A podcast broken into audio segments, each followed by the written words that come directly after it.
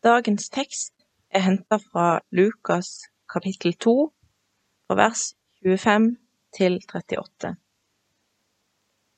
I Jerusalem bodde det en mann som het Simeon. Han var rettskaffen og gudfryktig og ventet på Israels trøst. Den hellige ånd var over ham, og ånden hadde latt ham få vite at han ikke skulle se døden før han hadde sett Herrens salvede. Nå kom han til tempelet, ledet av ånden. Og da Jesu foreldre kom med barnet for å gjøre med ham som skikken var etter loven, tok Simeon barnet opp i armene sine. Han lovpriste Gud og sa, Herre, nå lar du din tjener fare herfra i fred, slik som du har lovet, for mine øyne har sett din frelse, som du har gjort i stand like for ansiktet på alle folk. Et lys til åpenbaring for hedningene, og ditt folk Israel til ære. Hans mor og far undret seg over det som ble sagt om ham. Og Simeon velsignet dem og sa til hans mor Maria, Se, han er satt til fall og oppreisning for mange i Israel, og til et tegn som blir motsagt. Ja, også gjennom din egen sjel skal det gå et sverd. Slik skal de tankene mange bærer i hjertet, komme for dagen. Det var en kvinne der som var profet, Anna, Fanuels datter, av Aschers stamme. Hun var langt oppe i årene. Som ung hadde hun vært gift i sju år, og hadde siden levd som enke til hun nå var 84 år. Hun forlot aldri tempelet, men tjente Gud i faste og bønn natt og dag. I samme stund kom også hun fram og lovpriste Gud, og hun fortalte om barnet til alle som ventet på frihet for Jerusalem. Lik lyder Herrens ord. Amen. Hej! Tack för att du joinar oss på denna gudstjänsten. Det är lite rart att hålla en talet i en kamera, det må jag säga. Kameran bara ser på mig, blinkar aldrig, smiler aldrig. men livet är lite på nya vägar i år. Så, vi är nettopp färdiga med julen. Det var godt å nyte god julemat og være sammen med våre nærmeste. Det var godt å høre juleevangeliet og synge julesanger. Det var viktig og godt å sette fokus på evangeliet. Gud tok bolig blant oss. Gud er tilgjengelig. Det kjennes samtidig at mange av oss opplevde usikkerhet, ubehag eller panikk bak julekåsen. Livet er snudd på hodet i år. Verden er på nye veier. Vi er ikke de første som opplever at livet är uventede svinger. Slik var det også med Josef og Maria. For et kaos deres liv ble. Folketelling, Herodes, en stjerne, gjeterne, engler, selve fødselen. Ingenting gikk som planlagt. De var på ukjente veier. Kanskje det gikk slik. Vi har fått vårt første barn. Oh yes, halleluja. Men engelen sa at vår Gud er faren. Ukjente gjetere banket på døra og fortalte at engler sendte dem til oss. Og forresten, engler snakker direkte med oss. Hæ, hva skjer her? Vi skjønner ingenting. Det er bare én ting som vi er sikre på i dette kaoset. Gud er en god Gud, og vi stoler på ham. Det står i loven at vi skal reise til Jerusalem og brenne et offer i tempelet. Vi skal være lydige. Her tar vi opp tråden. Lukas forteller oss vad familjen fick uppleva i tempelen, när de kom fram etter rangreise. Simon och Anna, to fremmede, oppsøker dem med en hilsen.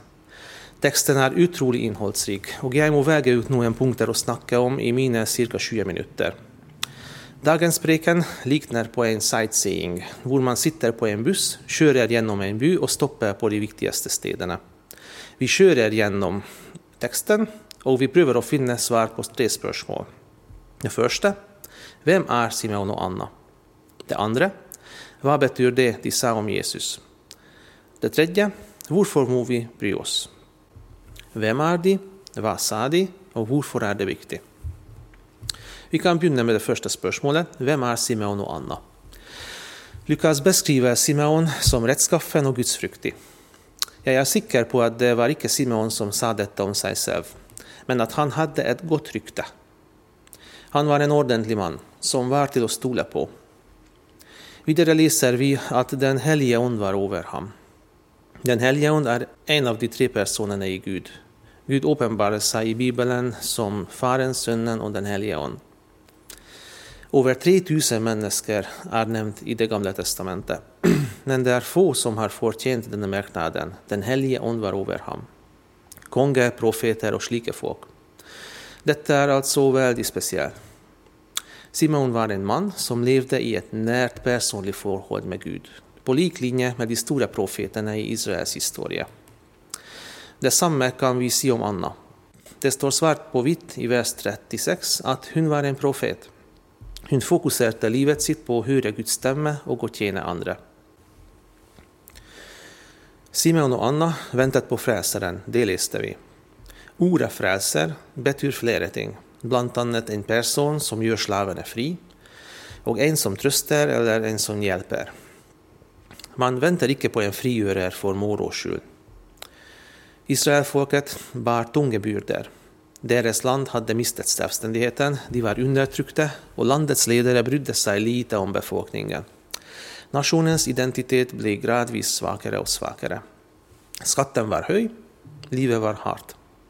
Men det var också en annan ting i bilden, nämligen att Gud hade lovt sitt folk att det skulle komma någon som skulle frigöra Israel igen, En som ska regera rättfärdigt.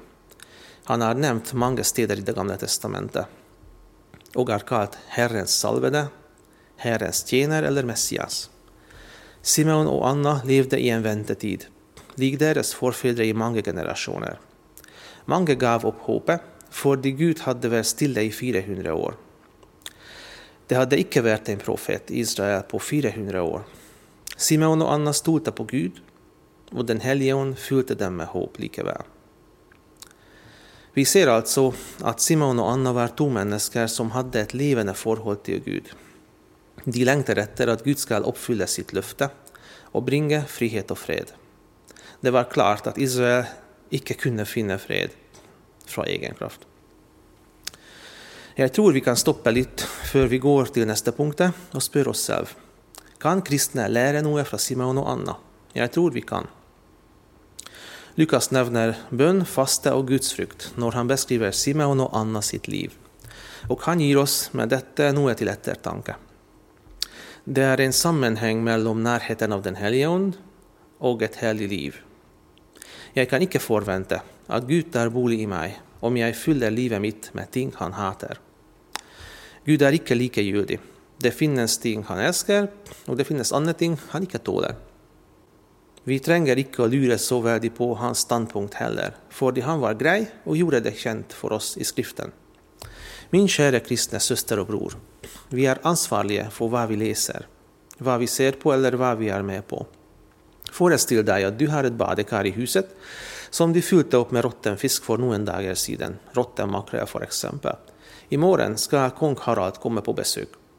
Du luckar dörren till badrummet, men hjälper det när kungen bankar på? Är det den lukten du vill önska kungen välkommen med? Sannolikt icke. En dålig liknelse, jag vet det, men det jag lär slippa in i livet mitt, är mitt ansvar. Jag kan ikke forvente at Gud tar bolig i meg om jeg fyller meg med ting han hater. Det står i Efeserbrevet at uh, prøv hva som er til glede for Herren. Ta ikke del i mørkets gjerninger, for de bærer ingen frukt. Bare så det er nevnt. Vi kan gå videre. Det neste spørsmålet lyder slik. Hva sier de om Jesus? Det Simon og Anna sa om Jesus, kalles profeti i Bibelen. Jeg tror det er lurt å si en setning om hva profeti betyr, fordi definisjonen er veldig tåkete hos mange, takket være mange filmer og bøker som ofte kaller veldig varierte ting profeti. Når Bibelen snakker om profeti, det er et budskap som Gud taler inn i konkrete situasjoner gjennom andre mennesker. Så Gud taler inn i konkrete situasjoner gjennom andre mennesker. Praktisk, konkret og alltid blir oppfylt. Simeons profeti handlar om två ting. Det första, Jesus är Messias, som vi väntar på, och att Jesus kommer till att polarisera människor. Jesus är Messias. Vi kan nästan se Simeon jubla och smila när han ropte ut.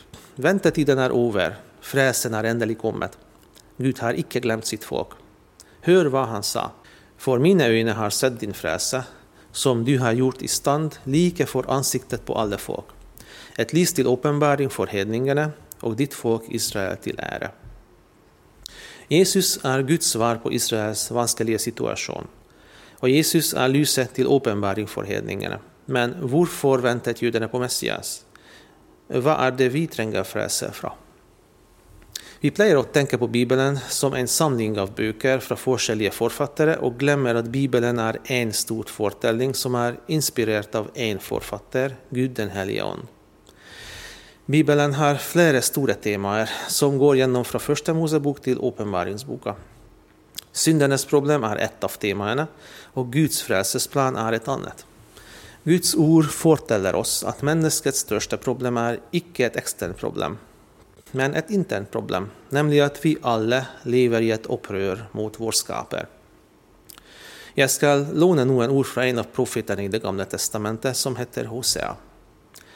Gud förklarade väldigt fint genom Hosea vad som är problemet bak Israels eländiga situation och bak eh, alla människors eländiga situation.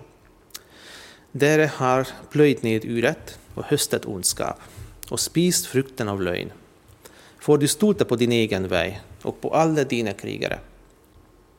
Människohjärtat vill själv bestämma vad som är rätt och galt.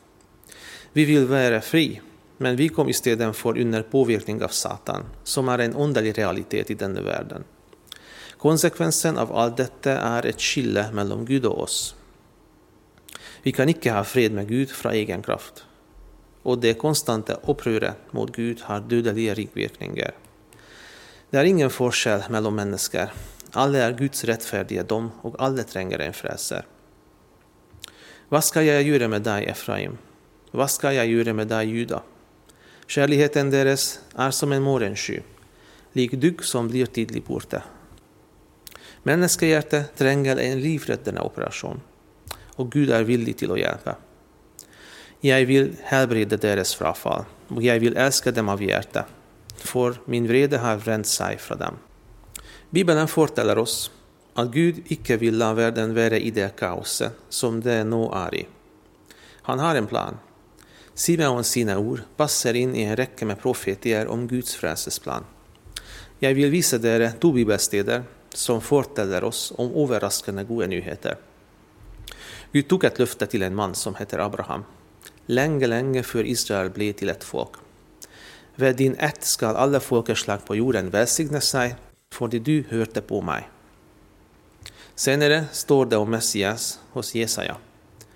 Det är för lite att du är min tjänare som ska renreise Jakobs stammar och föra de bevarte av Israel tillbaka. Jag gör dig till lys för folkeslag, så min frälse kan nå till jordens ände. Det är fascinerande att läsa att Guds ond uppenbarte noe många judar var starkt emot, till Jesaja och också till Simeon. Nämligen att frälsaren kommer för att rädda alla folkeslag och icke bara Israel. Ett lys till uppenbaring för hedningarna, sa Simeon. Gud har tänkt stort, helt från begynnelsen av. Du får lov till att dansa och lovsynga hemma i stua, du, för de Simon snackar om dig och mig. Vi är hedningar, det vill säga att vi är icke en del av Israel. Men Gud hade oss med i sina tankar för världens skapelse. Det finns hopp, det finns en frälsesplan som gäller oss. Jesus ska polarisera människor. Simon fortsätter med att säga till Maria, se, han har satt till fall och uppresning för många i Israel och till ett tegn som blir motsagt. Ja, och så genom din egen själ ska det gå ett svärd. Slik ska de tankene mange bærer i hjertet, komme for dagen. Alla delar av detta blir uppfyllt. Jesus var satt till fall och pressning för många. Sant. Han sa om sig själv, jag är vägen, sannheten och livet. Ingen kommer till far utan mig. Ens förhåll till Jesus avgör om en står eller faller. Detta är en av kristendomens grundläggande sannheter.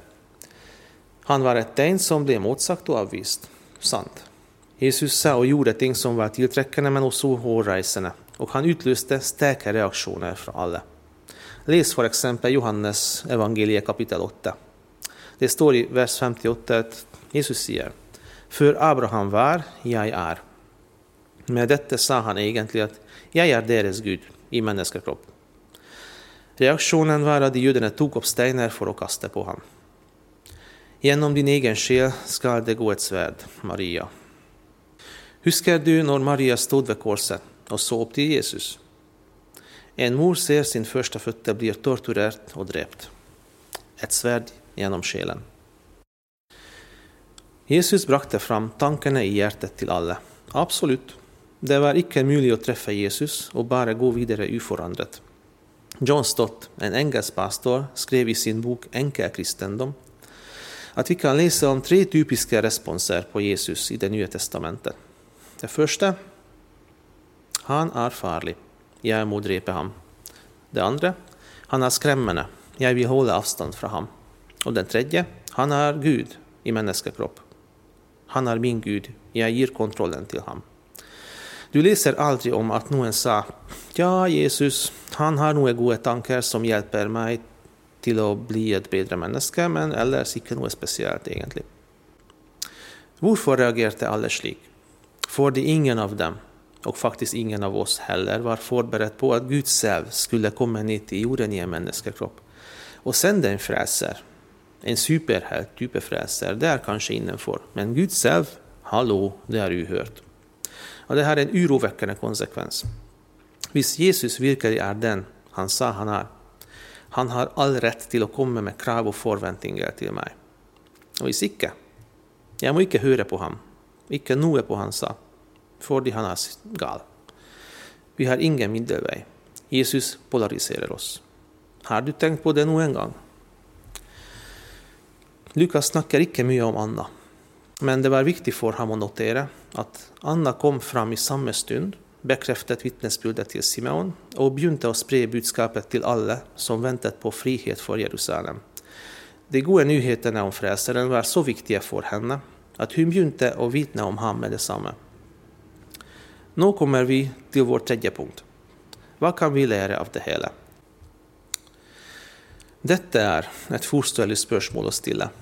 Hvorfor må vi bry oss om 2000 år gamle historier? For det første, alle trenger Jesus Kristus som fräser. Det som gjør situasjonen litt vanskelig, er at alle har en frelser allerede. Høres det vilt ut? La meg forklare. Vi prøver å finne meningen til livet i alt mulig. Vi alle utnevner noe eller noen til fräser. Det er en tomhet dypt i sjelen, og vi prøver å fylle den med noe. Å, hvis jeg får denne jobben, blir allt bra. Och visst jag kan bli samman med denna mannen eller kvinnan, blir jag ändå lycklig. Och visst denna investeringen lyckas löses alla mina problem. Hur är det känt ut? Men hjälper det? Kan dessa fräsarna verkligen hjälpa oss? Om det är något corona har demonstrerat för många är det att mycket av vi bygger livet vårt på, icke är så väldigt solid. Det ska ikke mycket till. Bara ett litet virus, för jobb och framtidsdrømmer raknar. Tomheten kommer till syne. Du och jag har det i ryggmargen och väger bort Gud och stolar på något annat för räddningen. Bara Den helige ond kan överbevisa dig och visa dig att du tränger Jesus som fräser. Han jobbar kanske i dig medan du hör på detta. Då kan du inse det Gud forteller om i forbindelse med menneskets tillstånd gäller alla av oss, och ikke bara generellt men på en konkret personlig nivå.